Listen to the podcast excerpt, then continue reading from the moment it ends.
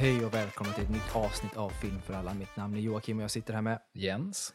Och eh, vi hoppar direkt in på lite eh, nyhetssnack.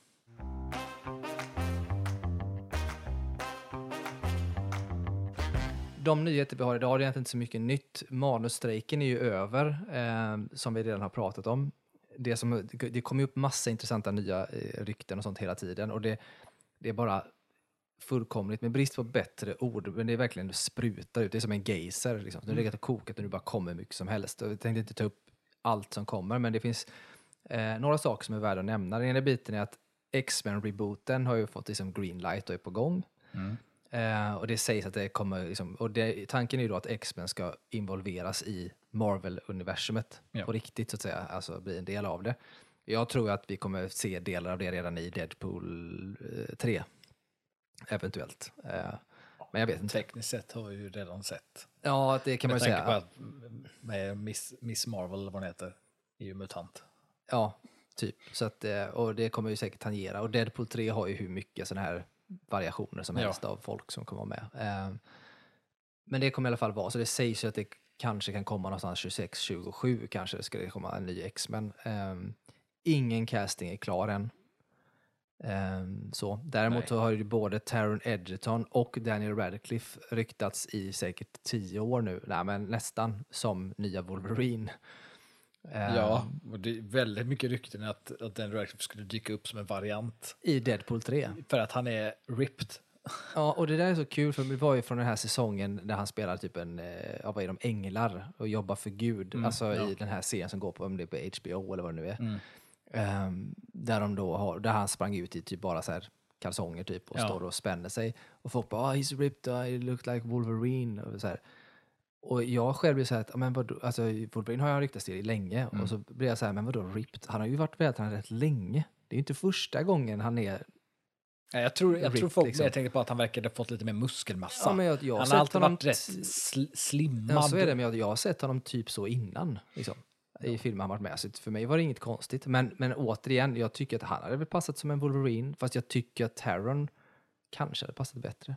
Men jag vet inte. Nej, Eller jag, vet inte heller, jag vet inte heller vilken av... eh, Eller ingen av dem. Eh, så. Eh, jag hade ju velat se en Wolverine som kanske är mer comic book-lik. Det vill säga inte lång som fan, för det är ju Jackman är ju ändå lång. Ja, men då ska man ju ha någon av de två. Ja, precis. Och därför passar det ju bra. Och jag tror Daniel Radcliffe hade kunnat göra det. Jag tror att han hade kunnat göra det bra. Tror jag. Ja, det tror jag också. Och det är ändå lite kul att han skulle få gå runt som, eh, som Harrison Ford gör. Så här, I am liksom Blade Runner, här- Han Solo och Indiana Jones. Så kan han gå runt med att han är Harry Potter och eh, Wolverine. Exakt.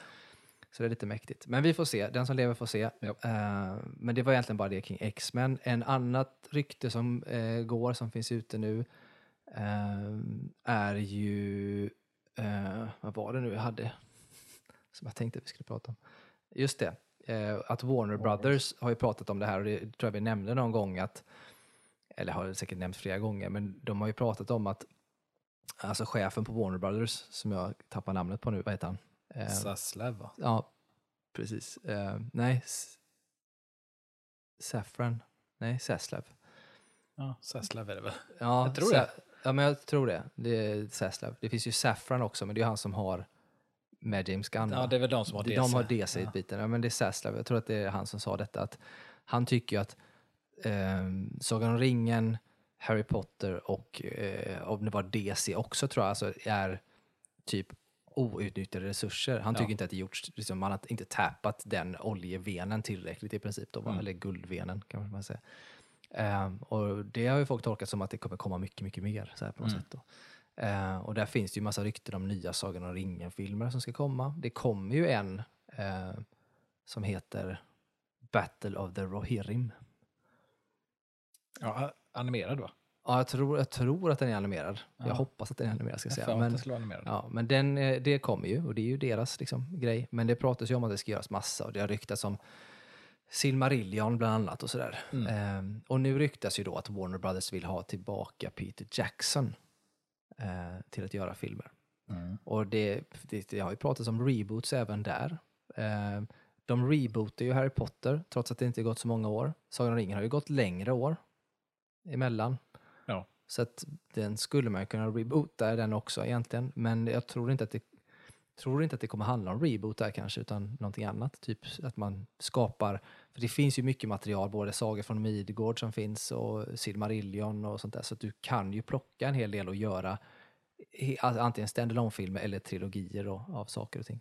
Ja, alltså om, om de vill ha tillbaka Peter Jackson och han skulle vilja komma tillbaka så har jag ju svårt att se att han skulle vilja göra reboot på sina egna filmer. Nej, exakt. Det är det jag tolkar det som att om de ska tillbaka honom så gör de ingen reboot. För att ta in samma regissör för att göra samma film, då, det känns ju väldigt märkligt bara. jag säga. svårt att För se, för att man har redan- se en, en enda regissör som skulle vara intresserad Nej, men av det, det. det är ju fruktansvärt ointressant. Det är ju i så fall att, ja men visst, här har du ännu mer i budget. Men det tror inte att det kommer locka. Alltså filmerna är, fast jag sa samma sak om Harry Potter, men Sagan om ringen-filmerna är också kanske ännu mer heliga för en allmän massa Mm. eh, fortfarande.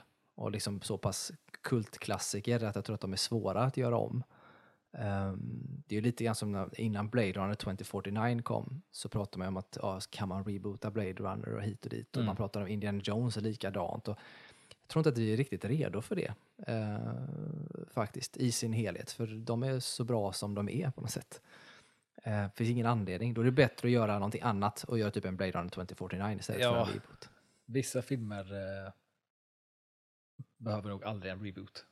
Nej, så är det. Vissa och det, filmer ha- har en, har en sån identitet i filmhistorien så att Ja, och det de är väl är det, vad de är. Ja, och det är väl det som lite grann gör att man då inte gör film av Harry Potter. Delvis för att det är så mycket material så det ter sig bättre kanske till en serie egentligen. Men också för att filmerna finns och man kan liksom inte göra om dem. För ska du, ska du adapta filmerna en gång till och göra ett manus, du kommer behöva ta ut massa saker Ja, ja. också. Så Ja. du kommer inte åt det. Jag stör mig mest bara på att jag inte får ihop Lauren. För att när man följer på det här eh, Pottermore till exempel som finns, där all lore runt omkring är ju baserat mycket från, alltså det är från böckerna generellt, så att det ska man ju ändå hålla, eh, hålla fritt, eh, att det funkar. Men det blir så mycket, ja, det blir ännu större skillnader liksom, med att hålla saker isär. Men det blir bra. Jag tror ändå att det kommer bli intressant att se Potter-serien. Ja. Jag ser fram emot den, samtidigt som jag har så jävla svårt att föreställa mig andra skådespelare i de rollerna. Eh, och hur de castas. Och det kommer bli ett jävla liv Ja, hur de gud. castar. Det, det kan ha med ålder, etnicitet, kö, allting Ja, sånt där ja, kommer bli krångel. Eh, jag vill ju, precis som jag vill egentligen i allt, där det finns beskrivet hur karaktärer ser ut från en författare, så vill jag att de ska hålla sig till det. Generellt. För om de, om de ska hålla sig och ta in mer så vill jag att man ska hålla sig till det som författaren har sagt. Ehm, I Mm. princip. Sen får vi se. Jag är inte främmande. Jag tycker ändå att det finns bra alternativ också. Så vi får se hur Ja. det blir med den. Sen den sista nyheten idag som vi kanske ska dröja lite vid är ju någonting som jag blir så jävla taggad på. Och det var ju, vi har ju pratat om det lite grann. Jag har ju sagt att jag tror att Christopher Nolan, jag älskar Christopher Nolan, skulle vara en bra regissör för en, en Bond-film. Ehm, och det har ju liksom ryktats länge till, till viss del och sådär. Nu verkar det som att nu har det ryktet kommit igång ganska rejält igen, att det sägs att det finns eh, ett avtal där ute, någonting som säger att han ska då få göra två filmer. Och, tro, hör och häpna, det som vi har pratat om och önskar, att se Bond i den tiden Bond är skriven. Mm. Så att det här filmerna skulle i så fall vara, och det har vi pratat om också i och med att Daniel Craig slutar som det gjorde på det Mm. sättet, att vi pratar om för att göra någonting, för att ta tillbaka det till någonting nytt eller göra någonting fräscht av det, Mm. istället för bara köra om samma grej igen, Ja. så, så hade man behövt ta tillbaka det till, till 50-talet eller 60-talet. Eh, och att det är det som det sägs vara nu då. Så en Christopher Nolan-film, två stycken Bond-filmer som utspelar sig under tiden de ska utspela sig, sägs vara det som är på gång. Och det, jag fullkomligt älskar idén och tror att det kan vara så jävla bra, för det är precis det vi pratat om och önskat. Vad, vad tänker du kring det? Alltså, kon- alltså konceptet av att det skulle liksom utspela sig under den tiden då det är skrivet, så att säga, eller han är menad att vara i, det tycker jag är jätteintressant. Ehm, um, kul, kul att liksom se eh, liksom, den karaktären fast i ett annat kontext. Liksom. Um, och passa, jag tycker det passar väl nu eftersom att man rundade av med den i Craigs Bond. Det, det ger en väldigt naturlig öppning att göra någonting helt annat. Eh, sen så tror jag att Alltså jag har svårt att se att Christopher Nolan skulle göra då, att det skulle bli dåliga filmer. Det tror jag inte det skulle bli. Jag tror det skulle bli bra filmer. Eh, däremot är han inte ett av mina toppval att ha som Bond-regissör. Eh, för mig är Bond har en viss eh, känsla som jag inte tycker att jag får ut av det Christopher Nolan har gjort. Sen kan han ju överraska det vet inte jag, men eh, Nej, jag, det är någonting jag, som jag tycker, det är någonting med Nolans filmer som gör att för mig lånar det sig inte så väl in till det.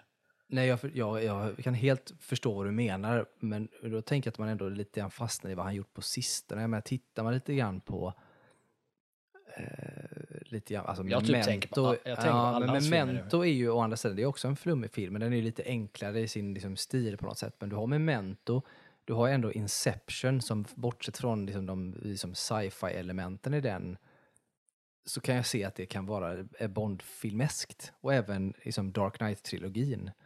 Eh, så att jag tänker mig att det kan gå. Alltså jag har ju inte sett eh, hans senaste nu då, Oppenheimer, Oppenheimer. nej, inte jag sett. heller. Och det, Och, jag skulle eh, kunna tänka mig att, att den filmen kanske skulle få mig att ändra uppfattning. Ehm, för att jag tycker det han har i alla, alla sina filmer som jag har svårt att se att han kan komma ifrån, vilket jag inte riktigt personligen för mig inte riktigt är liksom bondigt, det är att han har en viss, ska man säga, eh, inte mystik, men eh, jo, men typ mysterie är en så här stor del av hans eh, berättarspråk i film. Ehm, att det, att det kret, antingen kretsar kring, kring ett mysterium eller så är det saker som är ett mysterium i det, eh, i hans filmer, eh, som på något sätt, ibland har det en twist, ibland är det inte en twist, det är lite från film till film. Men det är lite, det är lite det jag inte är jätteintresserad av att se i en Bond-film. För det är därför jag tycker Inception, det är Bond-aktiga element i Inception. Men just den stora grejen är hela det här mysteriet av, i hans plott där, så här, hur det funkar med drömmandet och, och, och hur de ska få till saker och vi- liksom alla nivåer och allt det där. Det är liksom, det är koncept.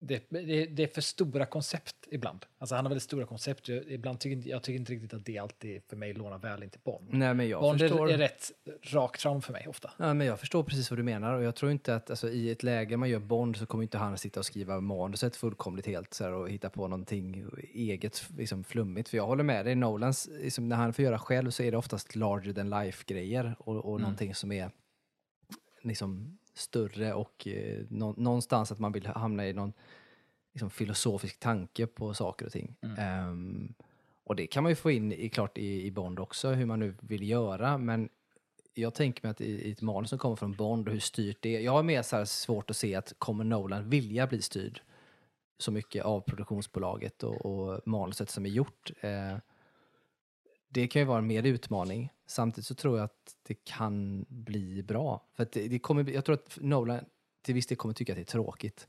För han kommer förhålla sig till att göra en vanlig film. Men ser man till att han gör en vanlig film på det sättet utan de här fantastiska elementen som man brukar ha med i så eh, tror jag det kan bli bra. Jag Ja, tror det blir det, lite- ja. kan bli riktigt bra. Det är lite så här, jag har, det är därför jag tror att Oppenheimer skulle eventuellt kunna ändra min åsikt.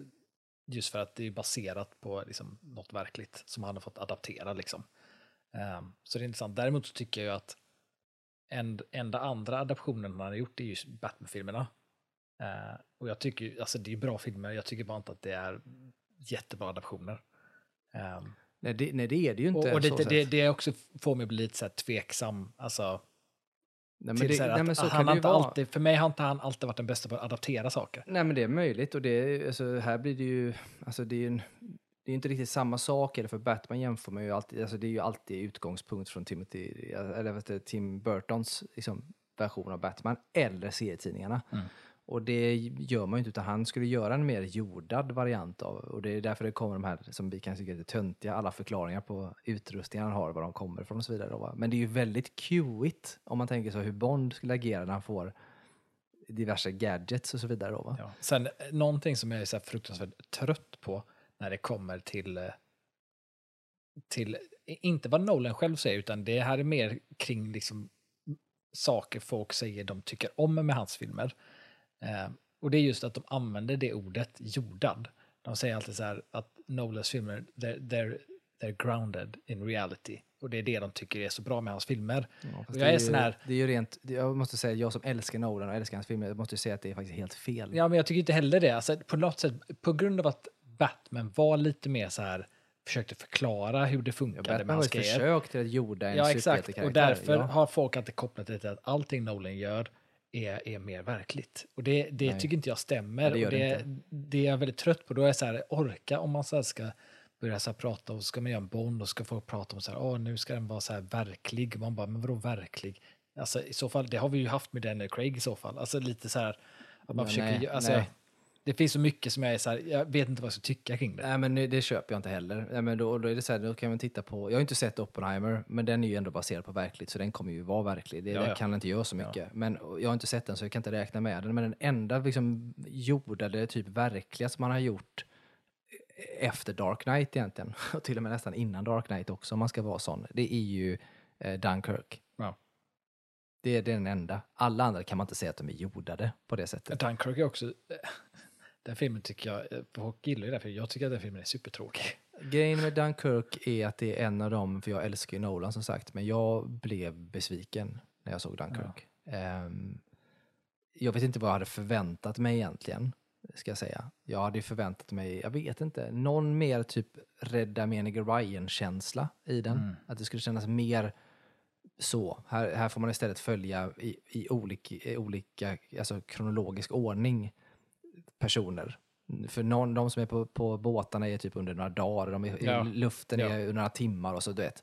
Man Det är återigen det här att han gör någonting och så ska det vara någon form av hysteria Ja, men precis, det är en I, twist. I rätta strukturen. Ja, precis. Det är, och det är det som är grejen. Och det tyckte jag, jag tyckte inte att det lånade sig så väl. Nej. Jag tyckte bara att det blev krångligt och jag tyckte att det blev för... Jag tycker att man slarvade bort en jävligt cool händelse under andra världskriget. Eh, som jag tror man kan göra mer känslomässigt bra. Nu blev det mest ett experiment. Eh, sen är det ju som vanligt snyggt filmfoto och bra musik och sådana här saker. Då, va? Men det är absolut, eh, jag var besviken den gången. Vilket gör att jag har varit, blev så jävla tänd på Tenet. Som jag också blev besviken på ska jag säga. Inte lika mycket som Dunkirk, men ändå besviken. Eh, och därför är jag så jävla hype på Oppenheimer. Eh, och Oppenheimer har ju dessutom fått jävligt bra kritik. Och jag har tjuvlyssnat lite på musiken och musiken gör så mycket för mig och det den bästa musiken han haft i film sen, ja, sen Inception och Interstellar egentligen, skulle jag säga. Och det är ju en svensk som gör musiken i Oppenheimer, Mm. så det är riktigt eh, bra. Mm. Jag tror hur som helst att det kan bli intressant att se han göra Bond. Riktigt jävla coolt kan det bli. Eh, men vi, vi får se om det ens blir han, Ja. helt enkelt. Men eh, bra, då släpper vi nyheterna. Ja. Och så hoppar vi in på dina filmer. Yes. Jag har återigen inte hunnit se så mycket. Eh, jag återkommer. Jag återkommer här, exakt. återkommer. Men du har eh, tre filmer som du tänkte ta upp idag. Tre filmer, ja. Så att, eh, shoot, börja med första. Ja, det, det första jag tar upp är nog en anime som heter Susume. Ehm, som jag tror är från 2022, om jag inte misstar mig helt.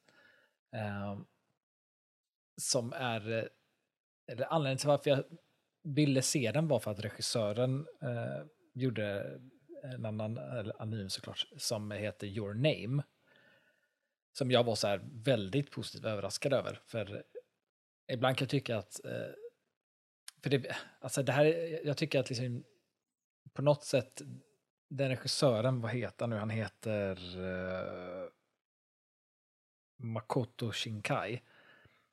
Uh, och hans, hans stil är ibland, eller jag blev, blev lite avtänd ibland när jag ser den stilen, för att det har varit här, eh, ibland en, en form av uppkomst typ i animen, att vissa saker har varit lite mer så här vardagliga berättelser ibland.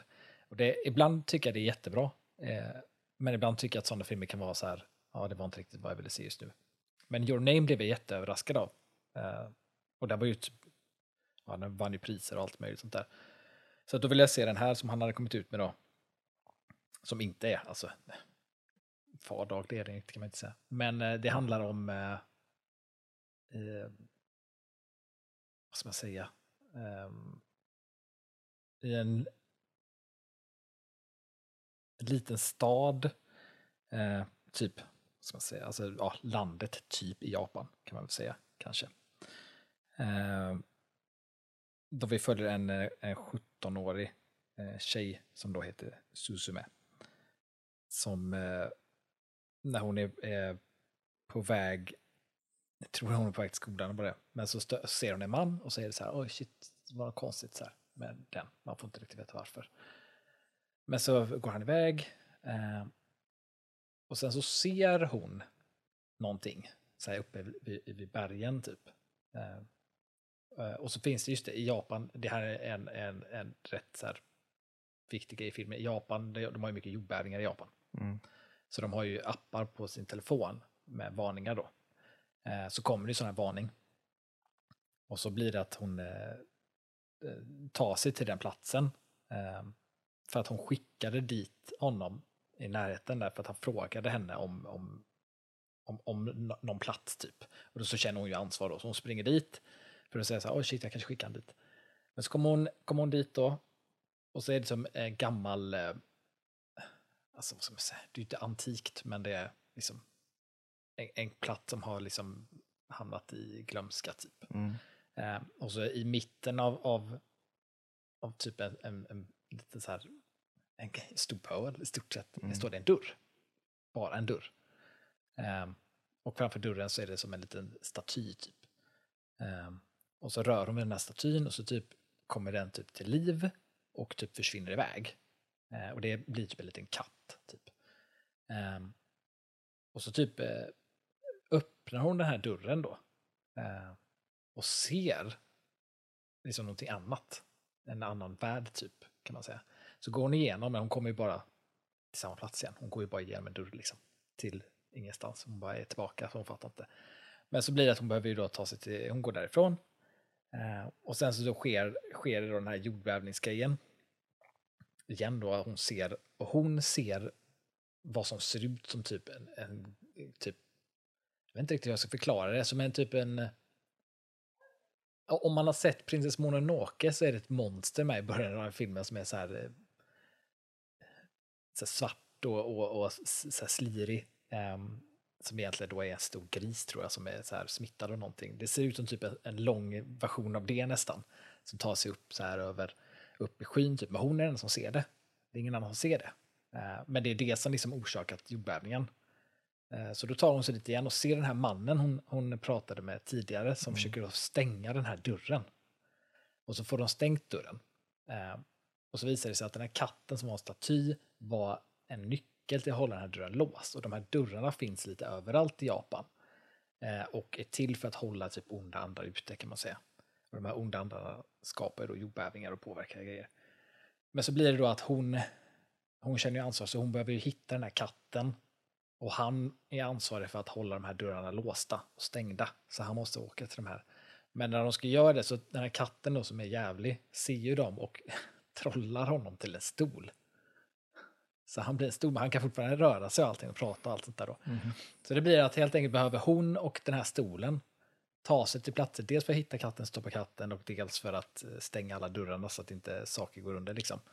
Eh, Men också kopplat till att detta har att göra med att hennes mamma eh, försvann, typ när hon var liten. Har jag för mig att det var. Och det är kopplat till det här att hon har varit i den här världen innan som barn. Hon gick igenom en sån dörr. För där hon bodde förr eh, har en sån dörr liksom. Innan hon flyttade till sin moster tror jag det. Eh, men så det är är lite så här mystik, lite mysterium, lite magi och sånt där. Samtidigt lite mer så här se en, en person uppfylla typ sin eh, sitt fate, typ sitt öde på något sätt. Ehm, men den, den är det var en rätt bra film, liksom fin. Gillar man Your Name så kommer man definitivt gilla den här filmen. Mm. Eh, väldigt snyggt animerad. Eh, snyggt med så här om man gillar japansk mytologi, för det är väldigt snyggt med hur de eh, kopplar ihop alla de här platserna med eh, liksom my- mytologin i Japan kring shintoism och sånt där. Och eh, just kring det här med, för det är ju stor sak i Japan med eh, alltså små byar och sånt som bara lämnas för att folk flyttar därifrån och så lämnas det och så får det ju försvinna in, in i naturen liksom. Eh, snygg liksom koppling med hur det kopplas till varför det finns dörrar på platser liksom. Att det är platser där det är magi starkt och så har det, på grund av att folk inte är där så finns det ju inga som väktar över det så blir det mer hotfullt. Och så. Men det är en bra film. Är den eh, här, sponsrad av japanska staten som vill få folk att flytta? För det är ett problem som sagt, de vill att folk ska flytta tillbaka Man till kan, de man här kan undra byarna. om det är. Ja, man vill att folk ska flytta tillbaka till de här byarna för att det blir, blir ju inte så bra. Ja, nej men eh, coolt. Om du ska sätta betyg på den då? Eh, en eh, sjua. Ändå stabilt. Ja, Jag har tänkt se den, eh, så det kommer jag göra någon vacker dag. Tänker jag. Mycket jag ska se. Den heter ju egentligen någonting, nu, Susume heter den ju i väst. Den heter ju någonting längre egentligen som jag tror, det var svårt att hitta översättning på det, men det var typ att den, alltså Ja, typ, Original title om man tittar på är Susume no Tojimari. ja och typ det, det, det bästa översättning jag kunde hitta var typ att Susume och de typ låsta dörrarna, eller något sånt där. Ehm, Mm. För to, Tori är ju sådana portar. Eller sån här. Tojimari, ja. Men det var, det Bra, var den sjua. filmen. Susume Yes. hoppar vi in på nästa och det blir det också en asiatisk eller? Nej. Det här är en... eh, Det här är en film från 2011 som eh, har två skådisar som jag gillar väldigt mycket och jag var förvånad att jag hade hört talas om filmen innan. Det är Perfect Sense. Eh, Med Ewan McGregor och Eva Green. Jag, var, eh, jag såg det typ något klipp på YouTube från den och jag var så här, "Va? har de gjort en film? Från... Nej, det känner man inte till. Jag har inte sett den själv heller, men däremot så jag fick ju veta om den eftersom du pratade om den. Eh, och så såg jag, så jag gick in och läste eh, lite grann om den och då är det ändå intressant. Den är ju lite, alltså fantasy, fantastik i den också Ja. på ett sätt. Men du får eh, berätta lite grann vad själva, kort vad plotten Ja. är. Ja, men det, det sjukaste egentligen med den här filmen är att, för den är ju från 2011, men den lånar sig så extremt väl in nu, det här så post-covid-samhälle. Ehm, för den här filmen, alltså dels då det handlade ju om, det, det är ju en kärleksrelation då eh, mellan Ewan McGregor och, och Eva Green, men i, i, i, liksom, i kontexten till det stora så handlar det om, alltså det är en pandemi som sker. Ehm, och hon är, det var nu är det några år sedan jag stod den, hon är läkare eller, jobbar på sjukhus, i alla fall någon, med forskning och, smittskydd typ. Han är kock. Eh, och så är det då att man, man får aldrig veta vad det är, alltså vad den här pandemin är. Ehm, men det, det är någon form av virus som börjar sprida sig då. Ehm, men det, det som är då det mer fantasigrejen med det är att så som symptomen man får är att du förlorar eh, ett av dina sinnen. Eh, så först... Som i covid. Ja men, lite, ja, men lite Ja. så, bara att det. Det, det, jo, det är andra symptom också. Eller det är alltid en känsla också kopplat till symptomet. Så att när du först då blir smittad av det, så är det först, jag tror första grejen som händer är att du känner en extrem eh, sorg och ångest från ingenstans. Och, när det, och det är liksom jätte, jätteintensivt, men det, det håller bara ett, ett kort tag, ett, några minuter typ, eller typ en timme kanske det jag kommer ihåg. Och när det är klart, då har du förlorat ett sinne. Så första tror jag är då, det är den här intensiteten av ledsamhet och ånger typ. Och så förlorar du, eh, jag tror första var smak. Eh, vilket då, från hennes perspektiv blir det så här, vad är detta som hon jobbar på sjukhus? Eh, och från hans perspektiv blir det intressant, för han är ju kock. Då blir det så här, hur löser han det utan smak? Ehm, samtidigt som då de träffar varandra och liksom, ja, han, Hugh McGregors karaktär är väldigt, typ det börjar ju med att han typ ligger med en tjej eh, och så är det så här, de har legat och så typ säger han typ så här, ja men jag tror det, eh, det är bra om du går nu. Typ. Han han är liksom inte intresserad av att liksom ha en relation egentligen. Eh, på grund av saker som har att göra med så här, tidigare relation. Och hon är också, alltså hon är lite likadan. Eh, och så finner de då varandra i det. Men det handlar mycket om hur de, de på något sätt får ju då representera samhället i hur man hanterar en sån här grej. Liksom. Vad, vad gör man när man förlorar ett sinne i taget hela tiden? Samtidigt som vi då ser liksom att saker går först ner och sen så då plockar mänskligheten upp sig lite grann och anpassar sig efter. Så här, Oj, vi har förlorat smak, då försöker man anpassa sig. Så allting då istället, eh, när har förlorat smak, då blir det att allting börjar typ, man kör mer på typ lukt och sånt. Och, ehm, och nej, lukt försvinner först, tror jag det är. Mm. För att, just det, för att det börjar med att då blir det så, okej, hur, hur, gör, hur man, mycket mat är ju lukt. Så då blir allting så extremt mycket mer smak i det. De har mer, mer liksom chili, alltså mycket mer av allt typ. Sen då när de förlorar smak så blir det mer konsistens istället. De fokuserar på att allting ska vara konsistens i mat istället och, och fokuserar allt på det här. Men en av de typ vidrigaste tror jag är när de förlorar, eh, om det är att de förlorar smaken då, och det, då är det, det de känner innan det är extrem hunger. Så då börjar all, alla som blir smittade då blir ju så här, de bara börjar äta och kan inte sluta äta. De äter, det spelar liksom ingen roll vad det är, de bara äter. Det är typ som, det är någon som håller i en blom, blombukett, liksom börjar käka blommorna. För att de har ingenting annat runt sig, de måste äta. Liksom. Och de är på, det äckligaste är ju på eh, i köket, där, där de jobbar där. Där alltså de äter allt, de bara dricker fett, och fy fan, det är så äckligt.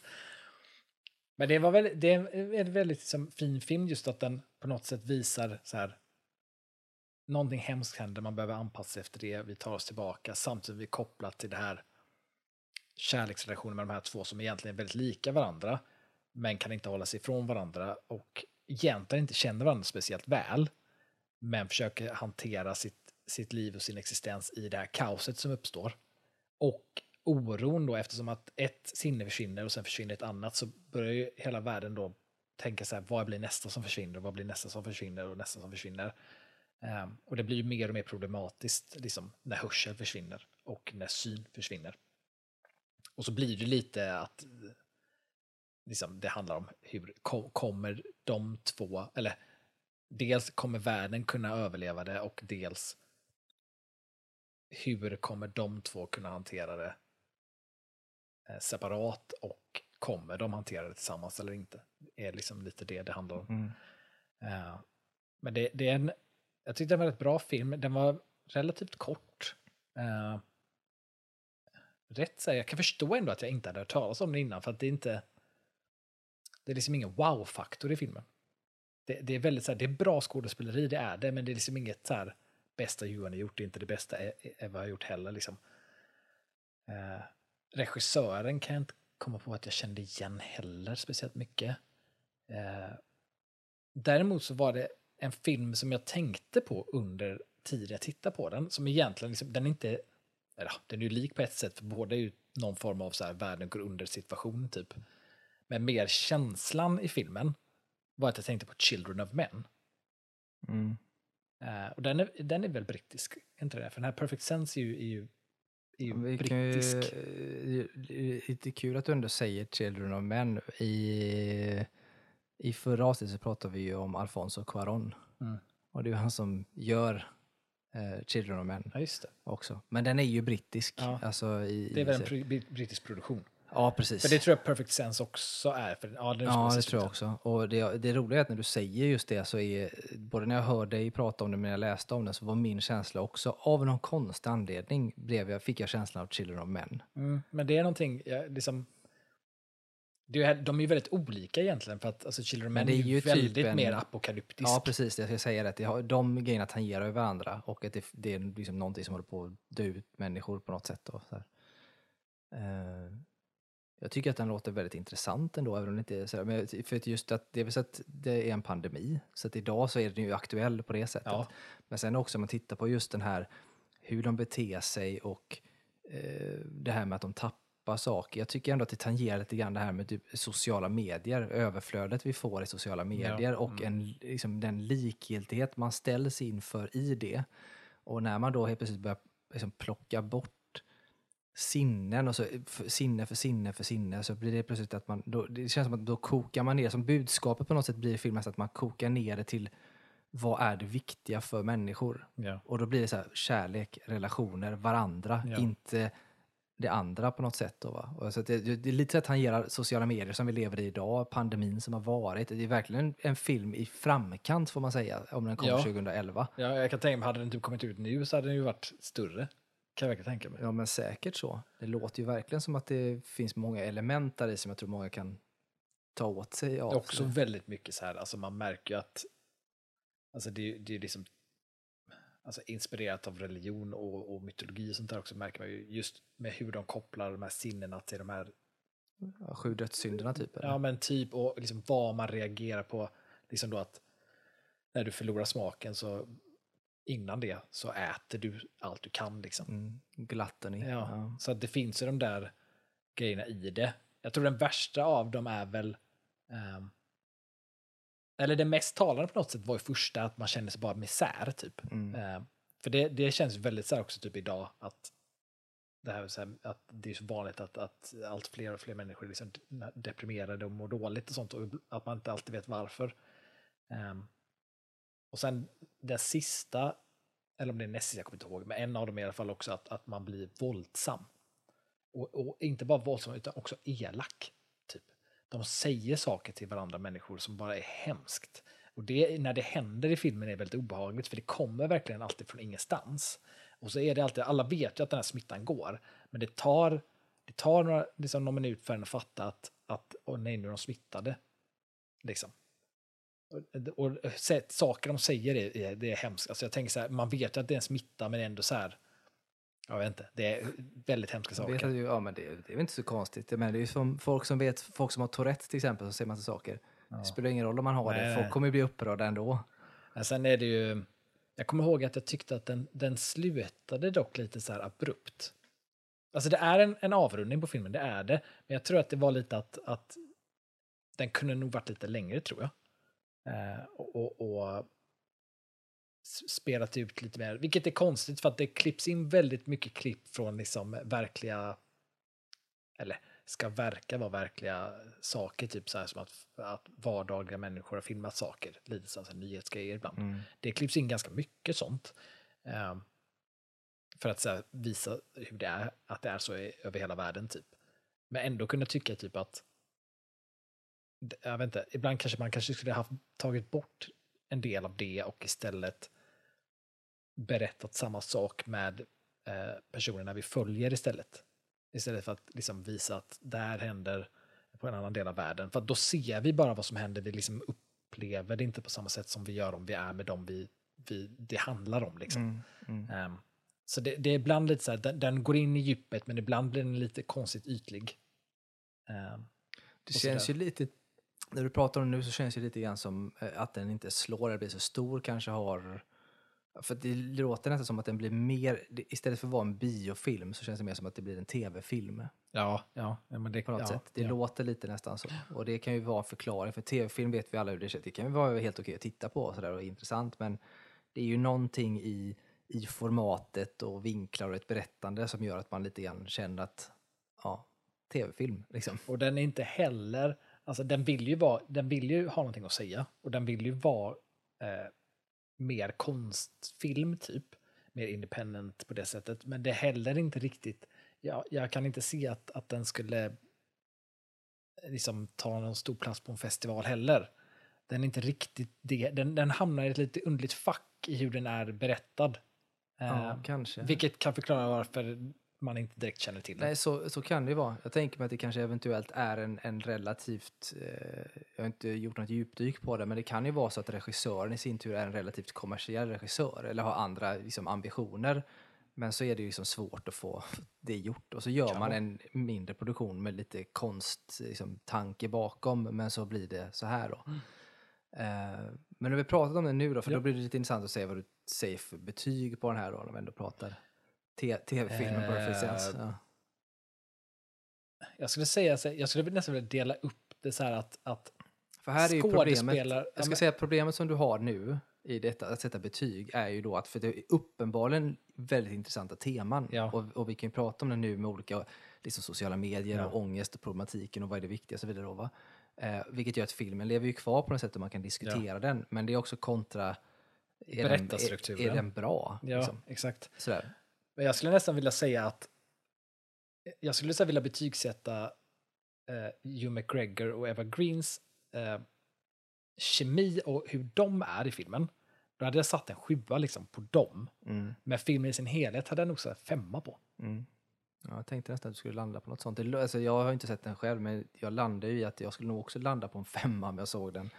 Eh, baserat på det jag hör. Ja, men det är ändå lite intressant. Det är ju nästan så att man får kanske se den också. Och kanske framförallt djupdyka lite mer i, i vem regissören egentligen liksom är och har gjort tidigare och sådär. Mm. För det är väldigt, väldigt intressant. Men det ja, hur som helst en intressant film och det kan ju vara absolut kul att se den idag sett till vad som har hänt sedan 2011. Då. Ja. Eh, för det har ju varit en hel del. Ja, roligt. Yes. Eh, sista, Sista. filmen för idag. Nu är vi inne på eh, lite mer amerikansk och en exakt. ny va? ja, från i år. Eh, också Netflix-film, om jag inte minns fel. Det är den här eh, Jennifer Lawrence No Hard Feelings, Mm. den komedin. Eh, som, som är ju mer av en, en alltså, typ av komedi så är det ju mer likt den här eh, alltså baksmällan typ av humor på något sätt. Alltså att det, det, är, det är uppenbar humor. På? Ja, jag tänker mig så här lite, lite, baksmällan. lite, lite grov humor. Ja, jag tänkte på vad heter eh, Jag har inte sett den här heller, men bara på trailern så när man tittar på den så tänker man eh, på Ja, vad heter de nu då? Eh, det är i och för sig inte så modernt ska jag säga, men jag tänkte på eh, American Pie, typ, eh, hållet. Eller eh, kanske... American Pie, ja, alltså, ja, American Pie är lite, är lite för barnslig tonårshumor jämfört med den här. Ja, Det kanske. är, det Eller är Superbad lite, kanske. Ja, men, den är också ja, lite barnslig kanske. Ja. Det, det, ja, det är lite mer, på något sätt också, det, det, det är ju lite ovanligt att, att se alltså, en kvinna i den här typen av roll i en komedi. För det är ju väldigt mycket hon, hon är ju är ju, är ju den roliga så att säga, men hon är liksom inte uppenbart rolig. Det är roligt för att hon är som hon är. Och hon liksom gör val som inte alltid är de smartaste valen Så, kanske. man, så hon är typ, hon är motsvarigheten till vad Matthew McConaughey var i sin ungdom i komedifilmer. Den här lite slarviga, charmiga killen som, det går inte riktigt rätt men eh, ja, men, det ja, men, li, ja, men liksom. lite åt det hållet faktiskt. Och, och lite det här ovissheten över att, att man kanske är att man inte är så bra som man kanske alltid tror. För att hennes karaktär är väldigt mycket så här att hon, hon vet ju att hon ser bra ut till exempel. Eh, och hon vet att hon kan liksom spela lite på det. Men, men det inte, ger inte alltid det bästa resultatet. Typ. Eh, och hon är lite oviss, typ som hela filmen börjar ju med, som också tror jag med i trailern, att det är en snubbe som hämtar hennes bil, som hon också då haft en relation med. Eh, så kommer det ut en annan kille ur hennes hem. Och så försöker hon liksom förklara bort detta, typ att så här, ja men, nej, men det, är inte, det är inte någon jag är med, det här är, det här är min kusin typ. Och så typ går han och typ tar henne på brösten och sånt där och så är hon så här, ja, inte första kusin utan andra kusin. Så här. Det är också super weird med folk som går och tar den på brösten Ja. som helst. Men, ja. ja. Men eh, men det är lite spännande ändå, för jag reflekterar, det som jag tänkte på när jag såg trailern var ju så här, för mig är Jennifer Lawrence fortfarande en, en ung skådis, en ung tjej liksom. För mig är det Ja. så, för jag, jag ser fortfarande som typ eh, Mockingbird, liksom, den typen av grejer. Men här är hon ju lite av en, eh, alltså hon kommer ju bli en Mrs Robinson-typ i den här filmen vad jag förstår. ja. Och är liksom den äldre, liksom mogna, Ja. vuxna kvinnan på något sätt i det då. ja, hon ska vara den äldre. Ja, hon ska vara det men är det kanske inte. Men vilket gör att ändå så här, för mig så här, det blir så overkligt. Jag känner mig bara gammal när jag Ja. tänker att hon helt plötsligt ska spela Ja, men det- MILF-grejen ja. liksom. Och det är så här, ja. Så. Men, men eh, plotten är ju att eh, hon ser, alltså hon har ju pengaproblem då såklart, men hon, hon vill rädda sin, eh, sitt, sitt hem så att säga, för det var hennes mammas hem tror jag, eh, som är ett hus då, eh, som hon inte har råd med egentligen, men hon, hon, vill, hon vill rädda det och behöver pengar. Och, eh, och, sättet hon tjänar pengar på för det är också så här att hon, hon är ju hon är ju 30 plus liksom och lever ett liv av, av i stort sett bara att existera och inte att leva typ. För att Mm. hennes jobb är typ, hon är Uber-chaufför under högsäsonger, det är det hon tjänar pengar på. Sen så typ finns hon bara. Alltså det är så, men hennes bil, hon har ingen bil nu. Fy fan vad tragiskt. Ja. Så att hon behöver ju hon behöver ett annat jobb. Och hon behöver cash. Ja. Eh, och det, det hon hittar då är en annons på att det är två föräldrar som har en son som ska iväg till college och han har liksom inte gjort något. Han har, han har liksom alltid bara varit hemma och, och inte velat vet, vara ute och träffa folk. är så antisocial och så vidare. Eh, och de är lite rädda för hur han ska hantera college. Så de vill i stort sett då eh, anlita en kvinna att dejta honom. Eh, och om det också innebär typ sex så är det fine för dem. Typ. Alltså sådär, så i stort Ja. sett vill de ha en prostituerad. Men, typ. ja, det låter ju så. Men här är det ju exakt, det här är ju exakt premissen i den här filmen med Matthew McConaughey och Sarah Jessica Parker. När hans förä- han bor hemma och är gammal. Här, han är inte ung college, men han är relativt gammal och bor hemma. Och de anlitar Sarah Jessica Parker till att få honom att bli kär och sen flytta ut och sådana saker. Ja. Så det är inte, och jag kommer inte ihåg vad den heter nu, men det är en sån klassisk eh, i alla fall. Så det, det, den. det, det är ju liknande, de har ändrat lite grann i Ja. premisserna, men det liknar väldigt mycket den. Men så hon går ju med på att göra det då utifrån att hon ska eh, få en bil av dem. Eh, för de är ju folk med cash liksom. Så att det är det det handlar om. Och där svårigheten i filmen då är ju att det är inte så lätt som hon tror att det ska vara. Hon tror ju att det här ska bara vara att typ visa upp sig själv, visa hur snygg hon är, liksom få honom att liksom vilja vara med henne. Liksom. Men hon märker ju rätt fort att, att han inte är riktigt intresserad av det. Han, han vill ju, dels vill han ju typ, han är ju intresserad av henne fysiskt, det är han.